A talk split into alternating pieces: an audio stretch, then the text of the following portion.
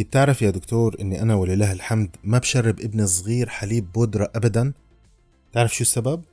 السبب إنه حليب البودرة بيحطوا فيه شراب الذرة وشراب الجلوكوز وهدول بيأثروا على تركيز طفلي وحركته. ما بس هيك كمان بيضيفوا لحليب البودرة السكروز يعني سكر يا دكتور لك سكر. وبيضيفوا له كمان زيت نخيل وزيت ذرة وزيت بذور لفت والعياذ بالله. طبعا هالمعلومات بيحكي فيها اختصاصيين التغذية وأطباء الأطفال اللي عندهم ضمير بس واللي ما بيحكي بهدول بيكون خاين.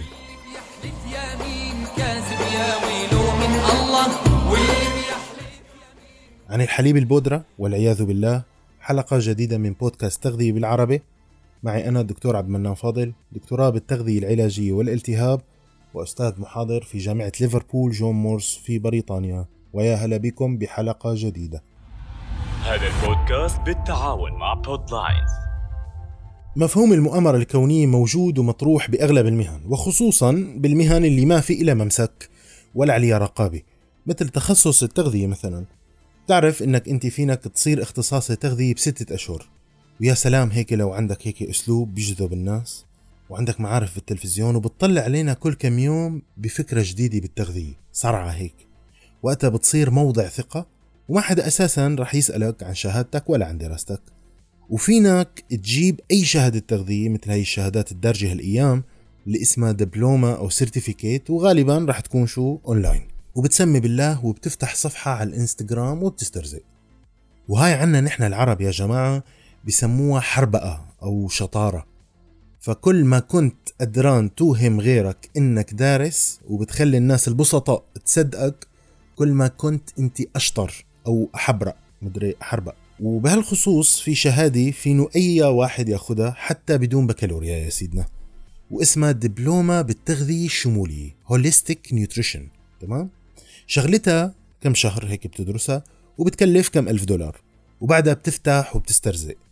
ومبدأ التغذية الشمولية هو إنه هي بتعتمد على العقل والروح والحياة الصحية والغذاء الصحي البعيد عن المعالجة والتصنيع. يعني شو؟ ارجع للطبيعة. كل مثل ما كانوا أجدادنا ياكلوا أيام زمان. وبترتكز التغذية الشمولية كمان على معالجة المشكلة من جذورها وأساسها ومنع المرض قبل حدوثه. وبيقولوا إنه نحن بنقدر نخلي الزباين يزيد عندهم الوعي بالأكل تبعهم. طبعا كل هالكلام الحلو هو مجرد كلام وما في حدا بيقدر يقيس العقل أو الروح أو الوعي. وكل فترة وفترة هيك بتطلع علينا هبات أو ضربات بصيروا الناس يحكوا فيها وهيك تنتشر.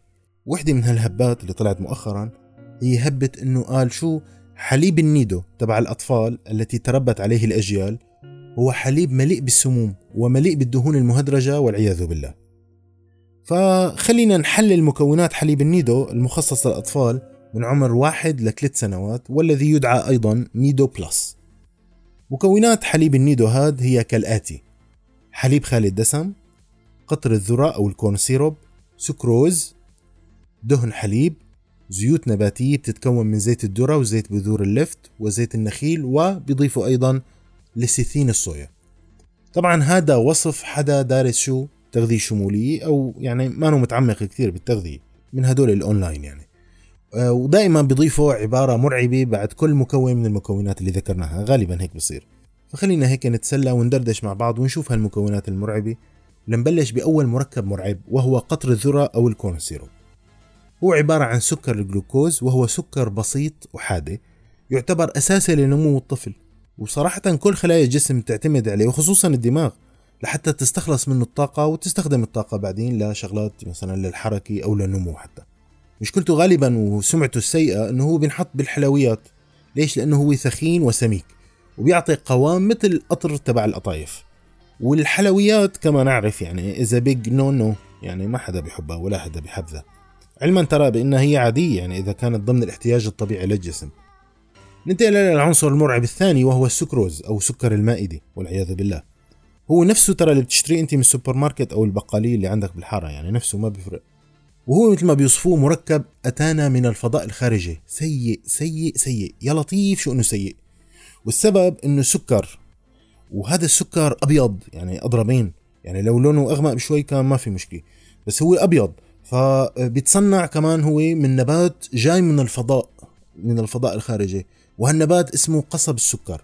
طبعا يا جماعة أنا عم نمزح آه، لأنه السكر السكروز هو سكر ثنائي موجود بكثير من الفواكه أصلا. مثل التفاح. يعني 20% من السكريات اللي موجودة بالتفاح هي سكروز. والسكروز كمان بشكل حوالي 60% من السكر الموجود بالمشمش. تمام؟ طيب هلأ بننتقل للدهون النباتية والعياذ بالله.